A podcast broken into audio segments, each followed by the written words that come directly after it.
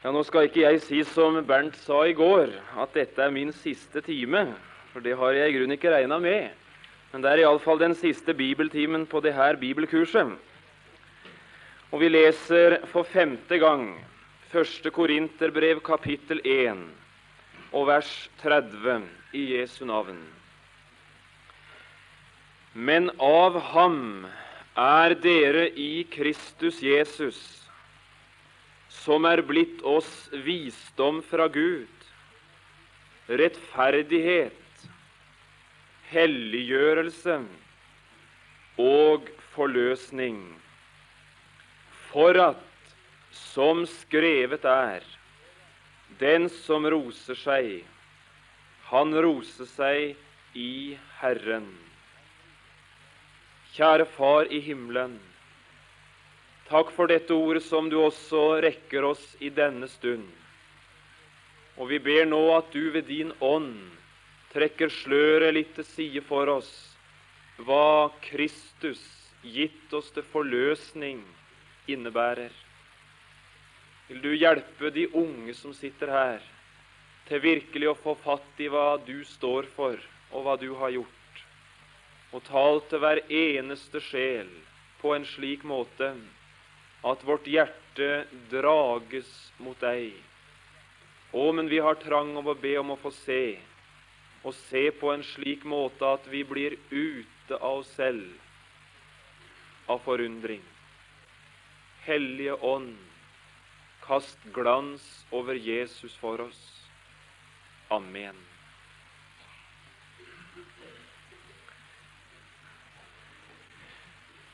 Vi befinner oss på et slavetorv i Rom. Og på dette slavemarkedet ser vi en ganske ung mann gående omkring iblant slavehandlere og slaver til salgs. Denne unge mannen bærer tydelig preg av å være en rik ung mann. Og det tyder på, på den måten han går, at han er ute etter en eller annen slave. Ved en av slavehandlerne på slavetorvet i Rom stanser denne rike unge mannen.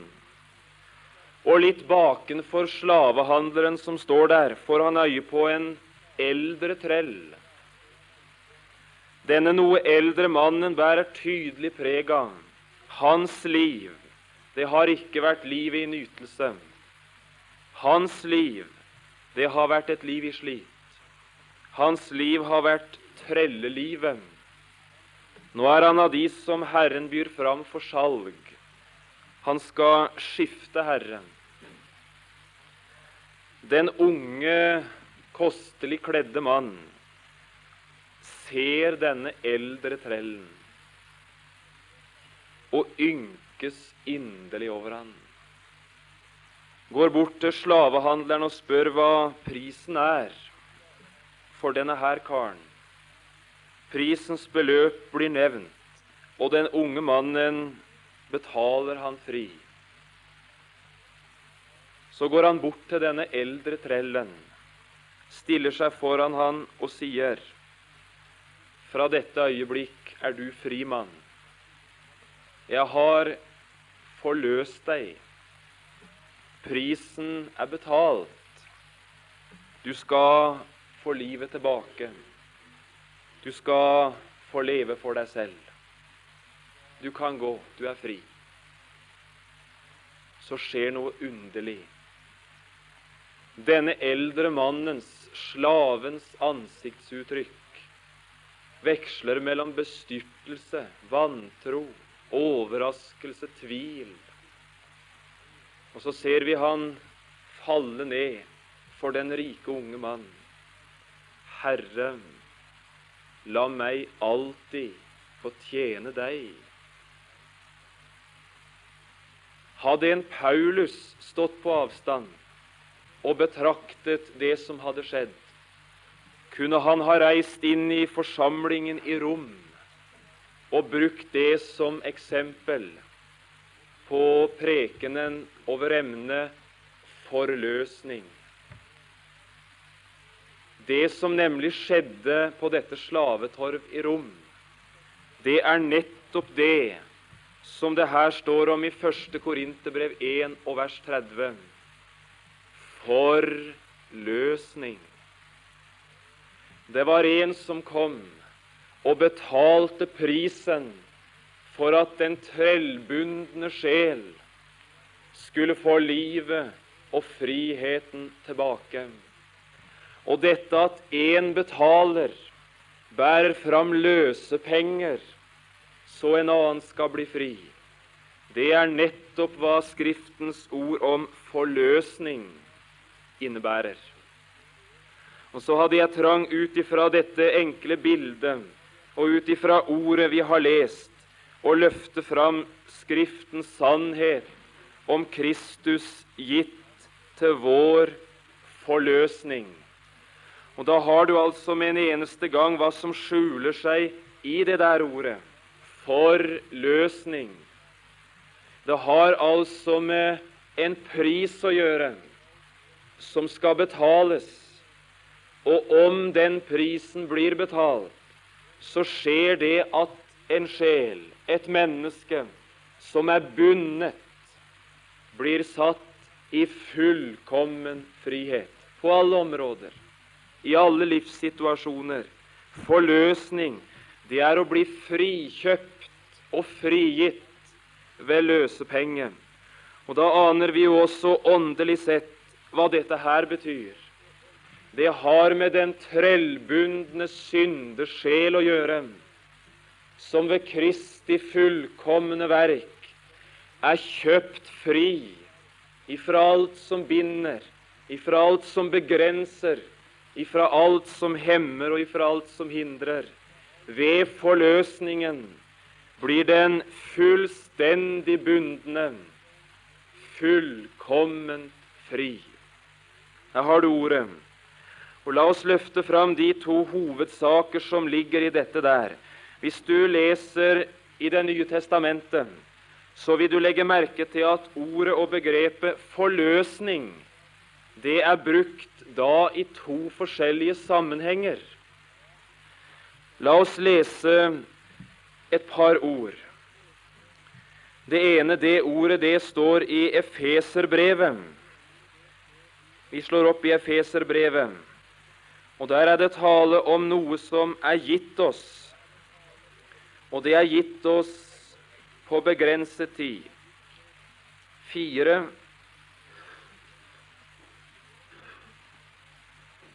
Ja, Det ordet det datt vekk for meg her. Jeg kan sitere det, og så kommer det igjen på sitat litt seinere. Det er tale om noe som er gitt oss til forløsningens dag. Det er i kapittel 1, og det er vers 13, tror jeg. Kapittel 1 og vers 13. Ja, Vers 14 er det. Det er tale om Den hellige ånd som er gitt til de troende, Han som er pantet på vår arv, inntil eiendomsfolkets forløsning. Og Der tales det om forløsning som noe framtidig. Forløsning er i én forstand noe som hører framtiden til, noe som skal skje. Og en troende befinner seg i en situasjon han venter, han stunder, han lengter etter forløsningen.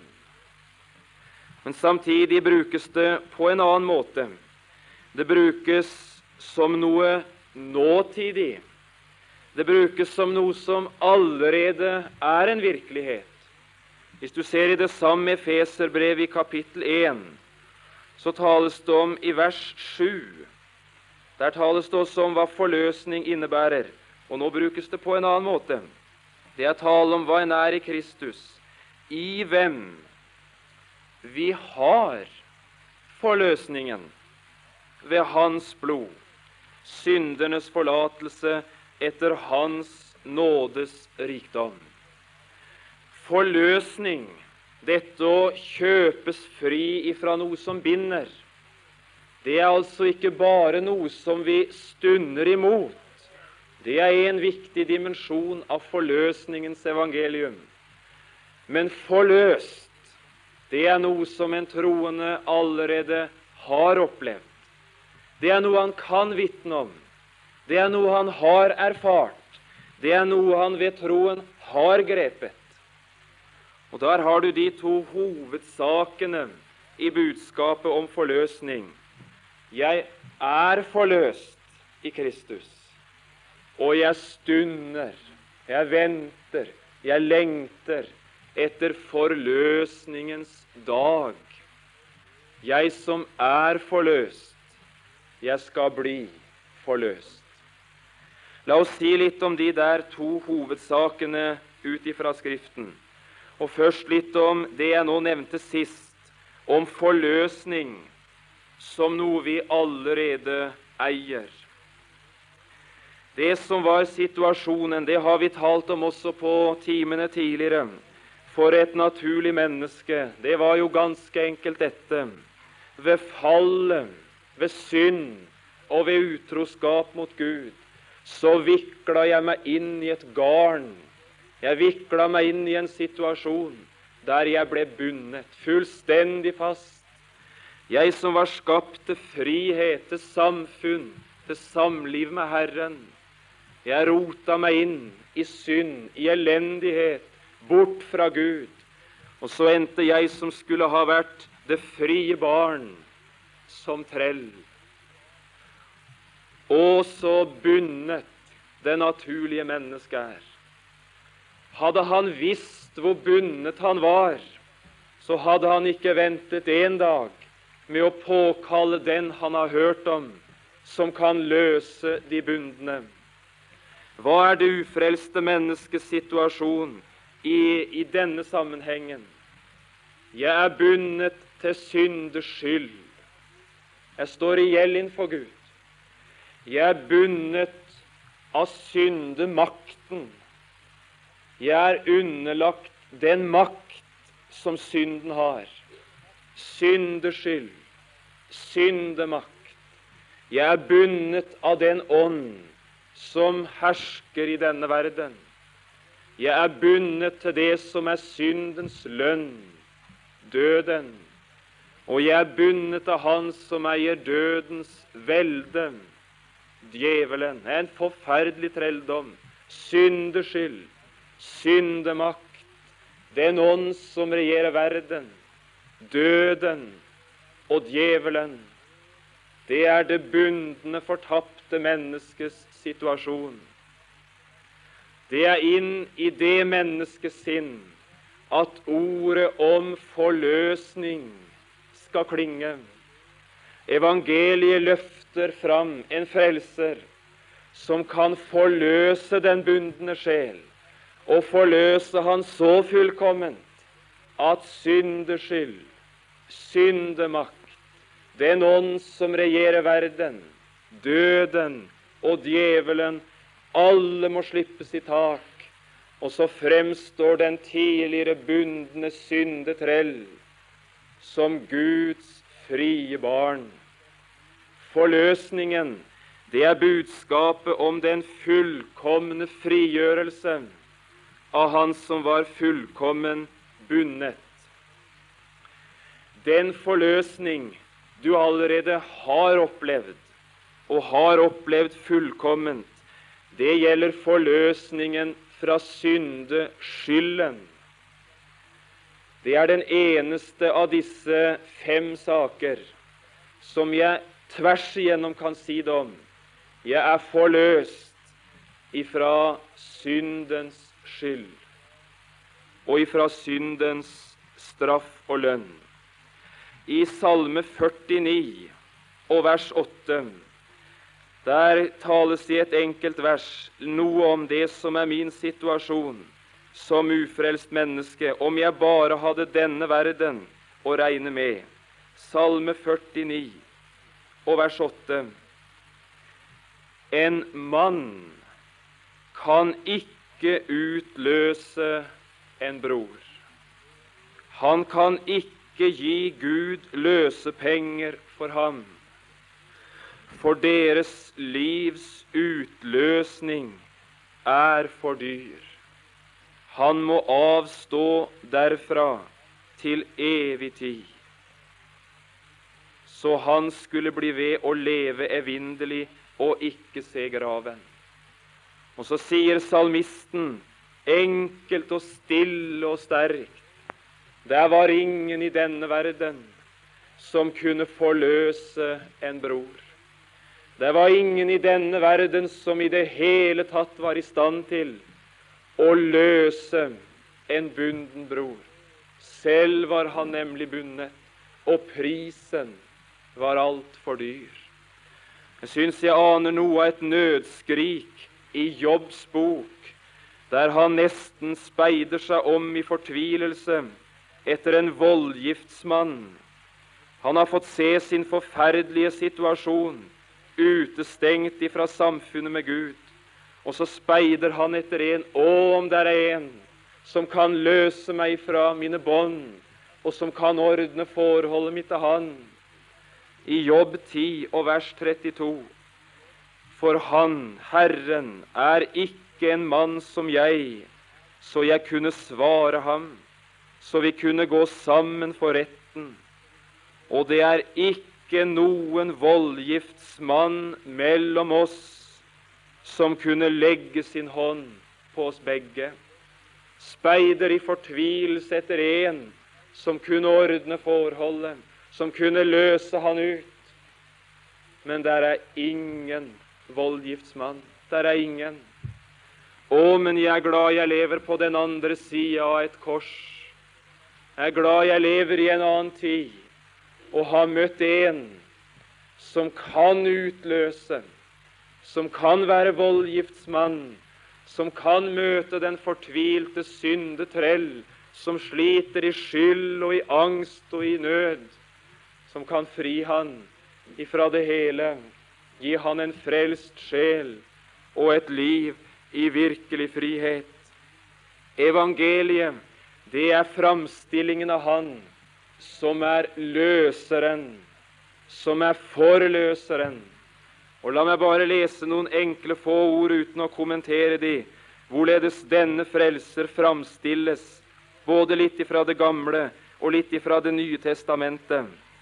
Esaias 44 i evangelisk sammenheng, det lyder sånn Esaias 44, vers 22.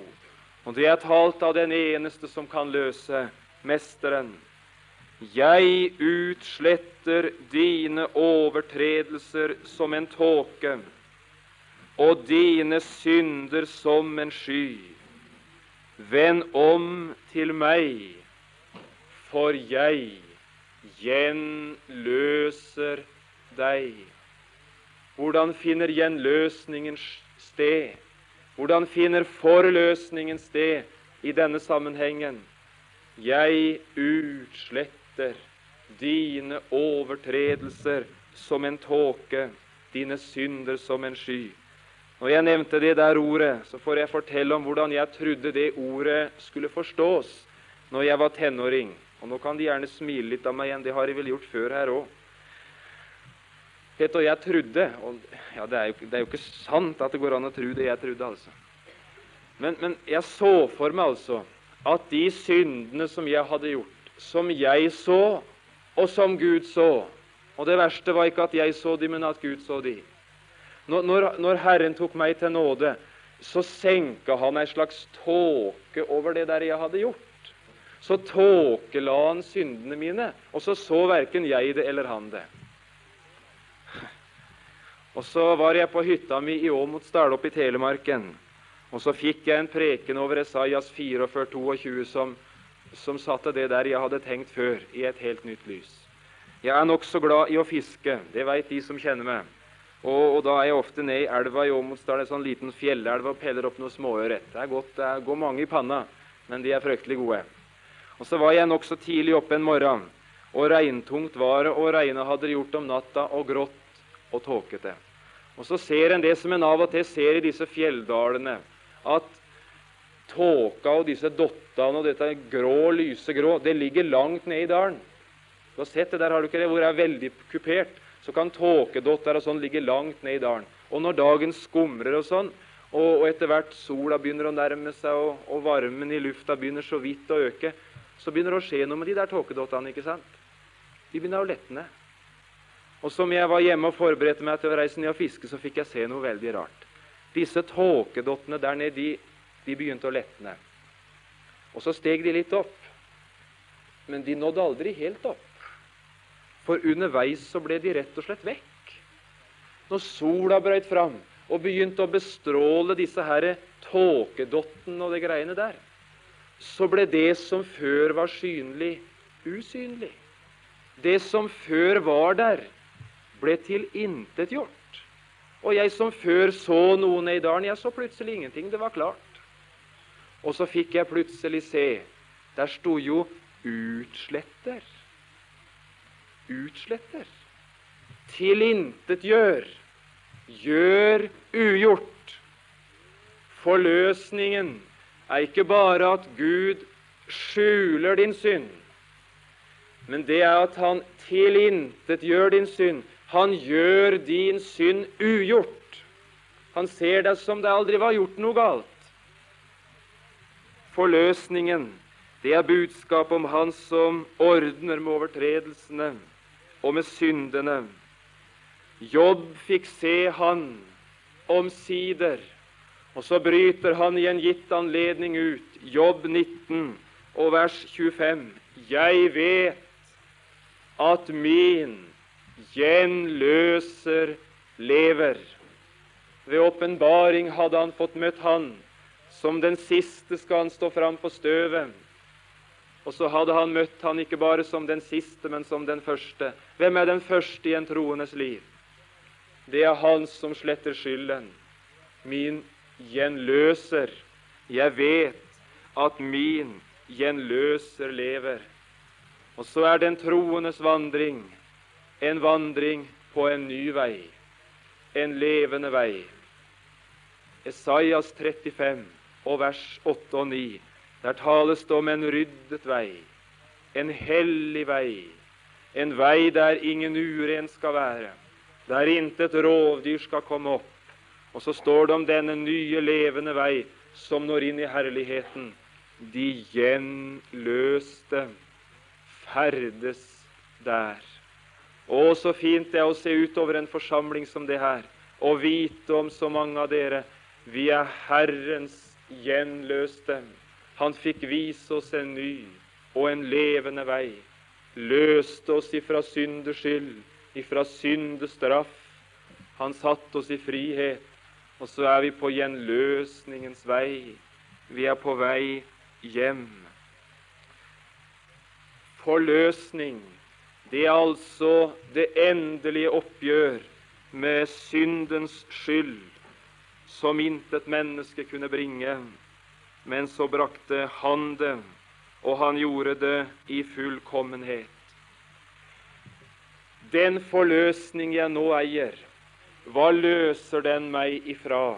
Ja, jeg har nevnt syndeskylden, men la oss ta fram enkelte bibelord for å finne fylden i hva dette der er. Skal få en tre, fire, fem bibelord, og så skal du se hva du er fri fra. Alt her, du som er forløst av Herren. Titus brev, kapittel 2 og vers 14. Titus brev, kapittel 2 og vers 14. Her tales det om forløsningen. Han som ga seg selv for å forløse oss fra all urettferdighet. Tenk, jeg har en som kan forløse meg ifra all urettferdighet, og setter meg over i en sammenheng der alt skal regnes rettferdig. Jeg er forløst ifra all urettferdighet. Galaterbrevet, kapittel 3 og vers 13. Her tales det om Han som også ordna opp et annet forhold. Kristus kjøpte oss fri fra lovens forbannelse idet han ble en forbannelse for oss. Vet du hva det er å være forbannet? Det er å være overgitt til Guds vrede. Husker du i Josva 7, etter at Israel har inntatt Jeriko og går mot denne byen Ai. Da hadde de fått beskjed om, når de gikk inn i Jeriko, at alt som hører denne byen til, av rikdom og av herlighet, det må dere ikke røre. Av og til kunne de ta bytte, men her fikk de ikke lov. Hvorfor? Dette er bannlyst gods. Og den dag dere tar av dette, kommer dere selv under forbannelse. Og Så kan du lese Josva 7 om hva, for, en forferdelig ting som hendte. Der var en som hadde tatt, og som førte ikke bare seg, men et helt folk inn under vrede og forbannelse. Min situasjon, det var dette. Jeg var under forbannelse. Jeg var under vrede. Jeg hadde pådratt meg en skyld som satte meg i nærkontakt med Guds vrede. Og så hører jeg ord om Han som kjøpte meg fri ifra forbannelsen på den måten at han selv ble en forbannelse for meg. Der hang en en dag og ropte i angst, Min Gud, min Gud, hvorfor har du forlatt meg? Det var han som helt åpenlyst stilte seg fram under vreden, og så ble han en forbannelse for oss for at en Barabas, for at jeg, for at vi aldri skulle smake dette der. Å være forløst, å ha sin forløsning i Kristus, betyr jeg skal aldri møte noen vredens Gud. Jeg er ferdig med Han. Jeg er ferdig med Han i Kristus. Forløsning er forløsning ifra forbannelse. 1. Peter 1, 18 og 19. Dere vet at dere ikke med forgjengelige ting, sølv eller gull, ble løskjøpt fra eders dårlige ferd, som var arvet fra fedrene. Hele mitt liv, hele min tilværelse, det var en ferd, et liv, stempla jeg Adams barn. Og så var jeg prisgitt alt som hørte den situasjonen til. Tenk, jeg har en frelser som henter meg ut av den ferd, av det liv, av den sammenheng, og setter meg over på noe ganske nytt. Kjøpt fri ved Kristi dyre blod fra en ferd som var ond. Jeg skal få lov å ferdes på en ny måte, et nytt liv, en ny sammenheng. Og endelig Salme 103 og vers 4. Han som forløser ditt liv ifra graven. Ifra graven. Forløsningen er et budskap om at død som straff, at død som behandling etter fortjeneste av Gud på grunn av synd, det er noe jeg aldri skal møte. Jeg er forløst ifra graven. Og som Kristi forløsning løser mange problemer. Og som gåtene løses av Han. Der var ingen bror som kunne løse en annen. Hvorfor det? Utløsningen var for dyr. Og I stedet for å legge veldig ut om hvorledes Jesus betalte, vil jeg bare lese en to-tre ord om den pris han betalte, og om hva det kostet Gud å kjøpe oss fri. Nå hørte du om hva du var forløst ifra. Her har du hva du er forløst ved i denne sammenhengen. 1. Peter 1, 18 og 19 nevnte jeg. Siterer det igjen. Dere vet at dere ikke med forgjengelige ting sølv eller gull, ble løskjøpt fra eders dårlige ferd som var arvet fra fedrene, men ved Kristi dyre blod. Vi skulle synge det med respekt. Det kostet Jesu dyre blod å frelse meg en dag. Og så aner vi hva Paulus skriver til korinterne både i det sjette og i det sjuende kapittelet. Dere er dyrt kjøpt. Det var en viss blod rant. Det var en som uttømte sin sjel inntil døden for at jeg overhodet skulle ha mulighet å bli forløst. Ja, la oss høre orda forløseren selv. Matteus 20, 25. Menneskesønnen er kommet, ikke for å la seg tjene, men for selv å tjene. Og hvordan skulle han tjene oss? Hva er den beste tjenesten Jesus har gjort oss? Ved å gi sitt liv som en løsepenge for mange. Han betalte løsepengen, og han gjorde det ved sitt eget blod. Vi lar det være nok i den sammenhengen. Bare til sist Hebreerbrevet 9. Hebreerbrevet 9, vers 11 og vers 12. Her skildres han i det han betaler prisen, vår forløser. Hebreerbrevet 9, 11 og 12. Men da Kristus kom, å så annerledes det ble da. Leser du sammenhengen i Hebrebrevet 9, så er vers 11 et vendepunkt. Alt som før var, det var på en måte unyttig. Men da Kristus kom, og så skjer det noe fullstendig nytt. Her springer noe nytt. Men da Kristus kom som ypperste prest for de kommende goder Her var noe annet enn det som lå bak. Her var noe nytt som kom.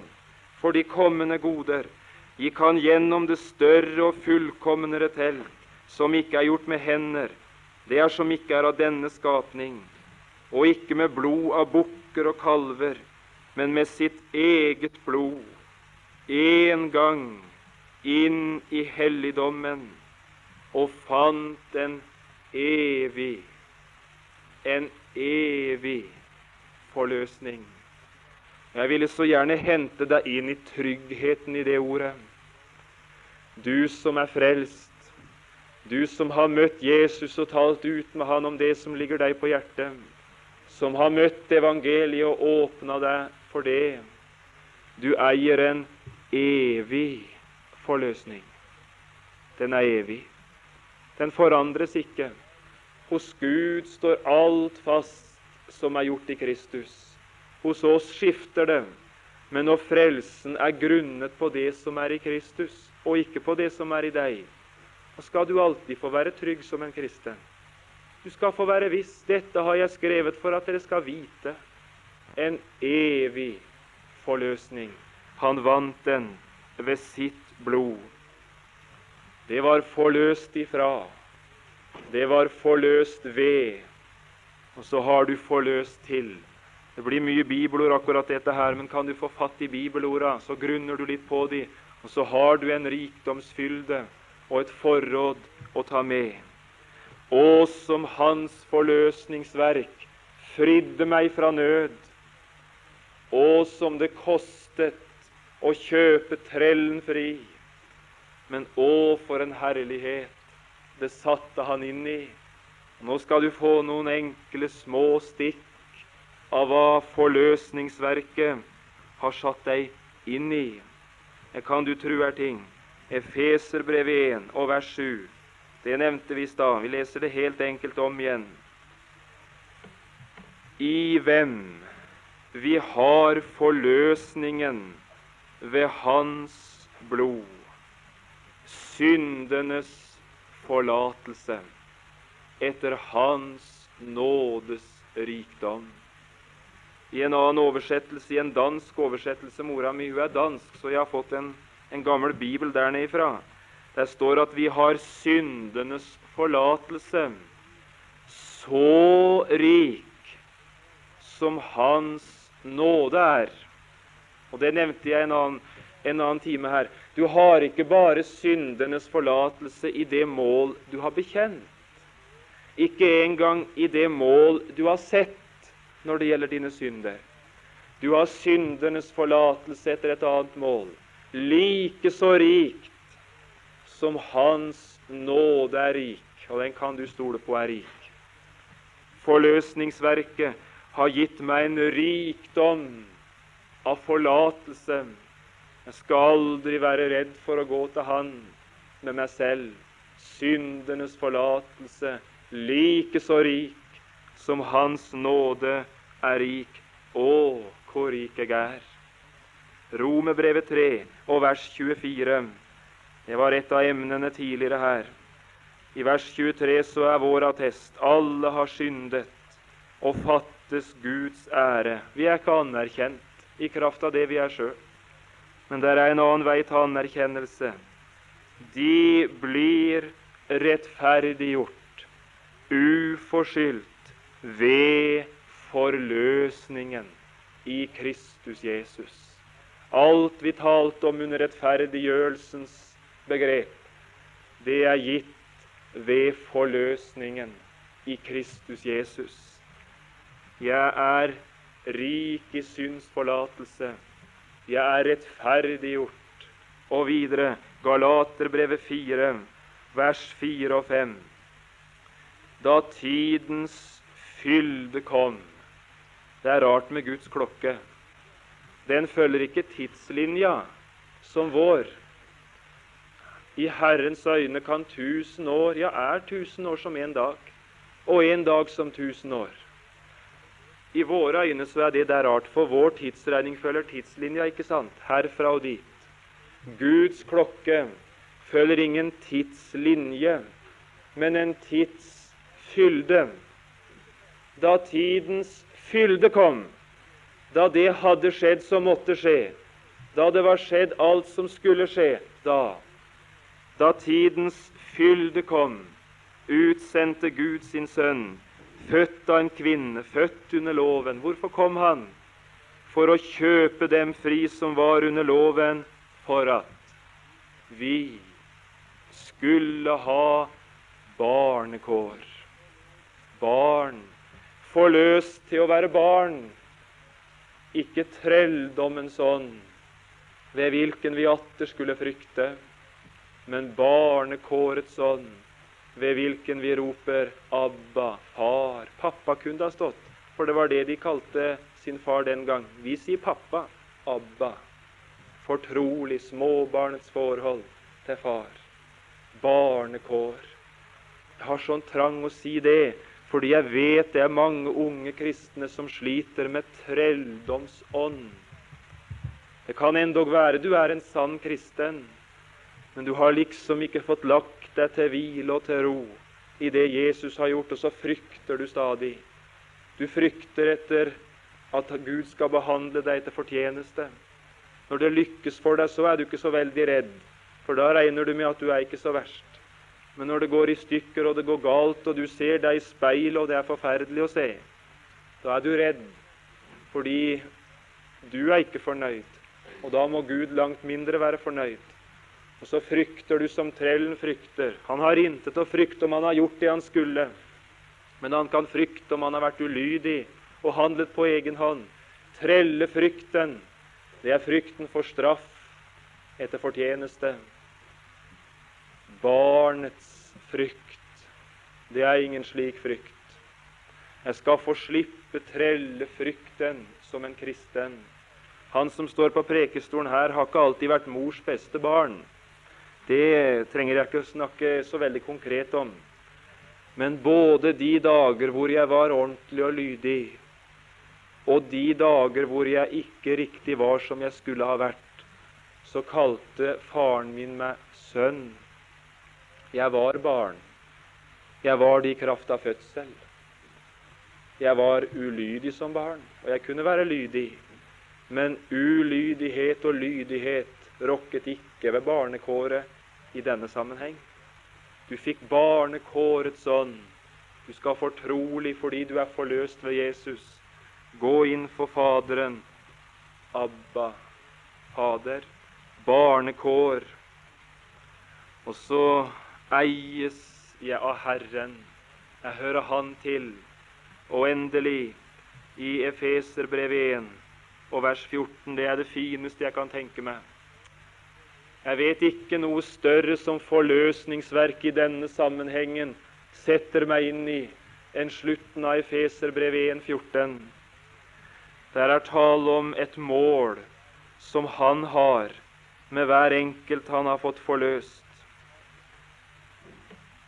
Hans herlighet til pris. Hans herlighet til pris. Der er tale om eiendomsfolkets forløsning. Og så tales det om noe som forløsningsverket setter meg fram imot og inn i. Jeg skal få være Hans herlighet til pris. Å, men det lykkes dårlig i denne verden at mennesker ved å, meg, ved å se på meg skal kunne gi Gud ære. Her kommer jeg så for kort. Ved å se mitt liv i hverdagen så er det nok ikke mange som ved å se gir Gud ære. Mitt liv er så dårlig, det er så lite av Hans herlighet til pris. Men jeg er forløst til noe som skal fullkomment oppfylle det der ordet. I evigheten skal enhver synder kunne betraktes, og alle som ser denne synder, skal ved å se Han utbryte i dette og gi Gud ære og gi Han pris. Du som er en kristen, om du ikke lykkes her, så skal det i alle fall lykkes Kristus å framstille deg i evigheten som en som skal føre til ære og pris for Faderen. Kan du tenke deg noe større? Å få være med på det her. Det er noen som ser også på meg. Og når de ser, så må de, de må takke Gud. De må gi Han ære. De må gi Han pris. Tenk at du kunne frelse Han, John. Tenk at du var så stor. Tenk at frelsen var så suveren. Tenk at det var så, så det verket du gjorde, Jesus, at endog Han kunne komme hjem. Og så åpenbares i synderen noe av herligheten. Hans herlighet til pris. Herlige mål. Herlige forløst til. Og Så bruker jeg ikke mer tid. Nå brukte jeg jo forholdsvis mye tid òg, da, egentlig, på den sida ved forløsningen. Der var en side til.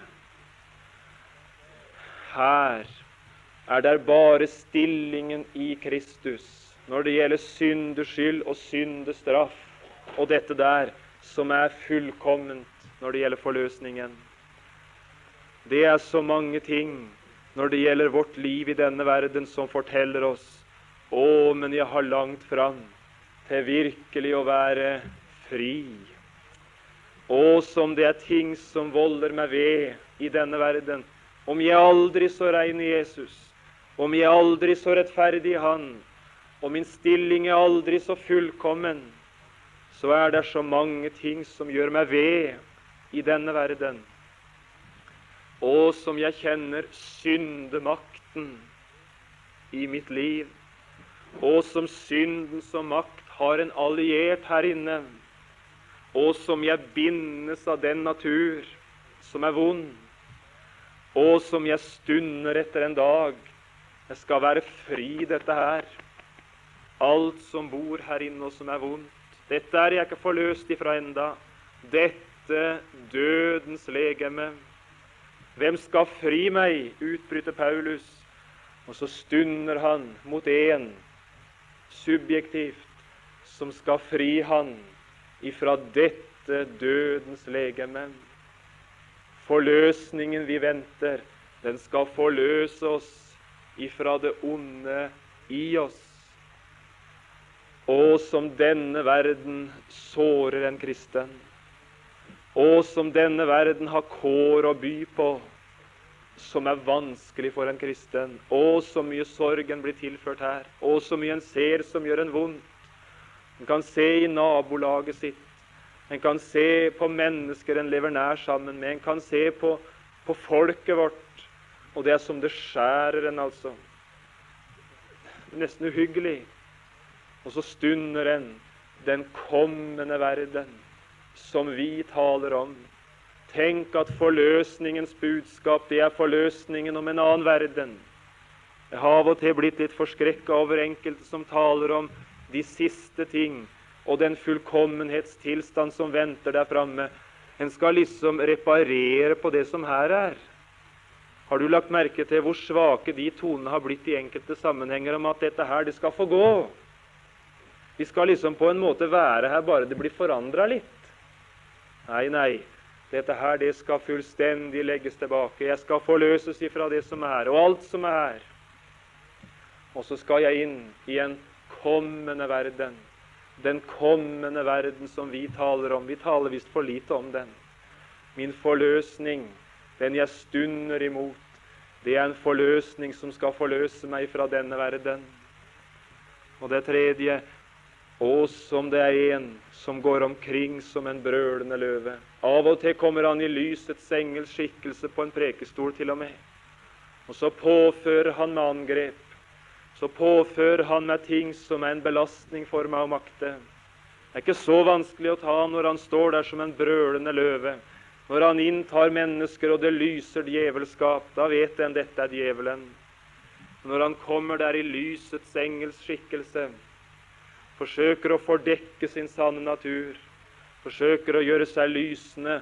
Å, men han er farlig. Når jeg møter snarene, når jeg møter han som fordekt fordreier sannheten, villeder de mange Guds barn som enda ikke er hjemme, og som jeg stunder etter en tilværelse der jeg skal være fullkommen forløst ifra alt som heter djevelens makt, djevelens angrep, og den belastning som sjelefienden kan påføre. Forløsningen det er ikke bare noe jeg har opplevd, jeg er forløst. Forløsningen det er noe som stunder til. Og La meg bare ut ifra disse tre ting nå helt kort mot slutten lese lite grann om den forløsning som stunder til. Og Det ene jeg nevnte, det var altså dette dødens legeme. Jeg har lyst til å gjøre deg oppmerksom på Romerbrev 8. Og det er et sukkens kapittel. Ja, det er et gledens og et jubelens kapittel òg. Men det er vel få kapitler i Bibelen jeg møter så mange som sukker. Jeg møter de i Romerbrev 8. Og vil du se, her er det noen som stunder Romerbrev 8 vers 19. For skapningen lenges og stunder etter Guds barns åpenbarelse. Skapningen ble jo lagt under forgjengelighet, ikke godvillig, men etter Hans vilje som la den derunder, i håp om at også skapningen skal bli frigjort fra forgjengelighetens trelldom til Guds barns herlighetsfrihet. Og hør nå For vi vet at hele skapningen til sammen sukker og er til sammen i smerte inntil nu. Ja, ikke bare det, men også vi som dog har Åndens førstegrøde, også vi sukker med oss selv i det vi stunder etter vårt barnekår. Og så er barnekåret forklart der. Vårt legemes forløsning. Jeg må si jeg har sittet ned på, på benken der og sett på alle de her fine blomstene her framme. En sånn flott sak som det her. Skapningen. Den blomsten forteller meg ikke bare om skjønnhet og om prakt og om Guds vidunderlige skaperverk men det forteller meg om noe som sukker, og som stunder. Den er underlagt forgjengelighet. Den hadde aldri tatt seg sånn ut om et år som den nå gjør. Den står ikke på noen plattform på Åkra neste år. Den er underlagt forgjengelighet. Og her er jeg ved noe som er ved, ved, ved grensa av det jeg fatter. Da Adam falt, så tok han med seg ikke bare slekten, men hele skaperverket raste. Går jeg på en gressplen, og så tråkker jeg på et grasstrå så det knekker, og så er døden der. Og Ser jeg en fugl fly mot et vindu og kan gå ut og finne en fugl liggende død, falle, falle, falle. og visner noe skjønt som det her etter noe tid. Falle, falle, falle. Og har du noensinne tenkt her er en del av en skapning som sukker og som stunder etter at noe skal skje. At det forgjengelige skal ikles uforgjengelighet. Forløsningens dag, det er dagen da alt det forgjengelige skal ikles uforgjengelighet. Å, som jeg lengter etter den dag at jeg skal bli annerledes. Å, som jeg av og til er lei det som er her. Og som en av og til kan se seg i ordets speil og grine. At de aldri skal være annerledes. At de aldri skal kunne få bukt med det her. At de aldri skal makte det her. Å, men så eier jeg trøst i et budskap. Vårt legemes forløsning. Og Der står så fint i 1. Korinterbrev 15 om hva som skal skje når forløsningens dag virkelig er kommet. Vi sier jo veldig ofte det, og ikke minst etter hvert som en blir eldre. Alt som er i denne verden, er usikkert. Det eneste sikre det er at vi skal dø. Ja, det er spørsmålet om det er så sikkert. Vers 51. Se, jeg sier dere en hemmelighet. Vi skal ikke alle hensove. Det er mange som måtte det, og kanskje mange som skal det. Men det er ikke så sikkert. Det er noe som er langt sikrere enn døden. Vi skal ikke alle hensove, men vi skal alle forvandles i et nu, i et øyeblikk, ved den siste basun. For basunen skal lyde, og de døde skal oppstå uforgjengelige. De som møtte døden her, de skal oppstå uforgjengelige.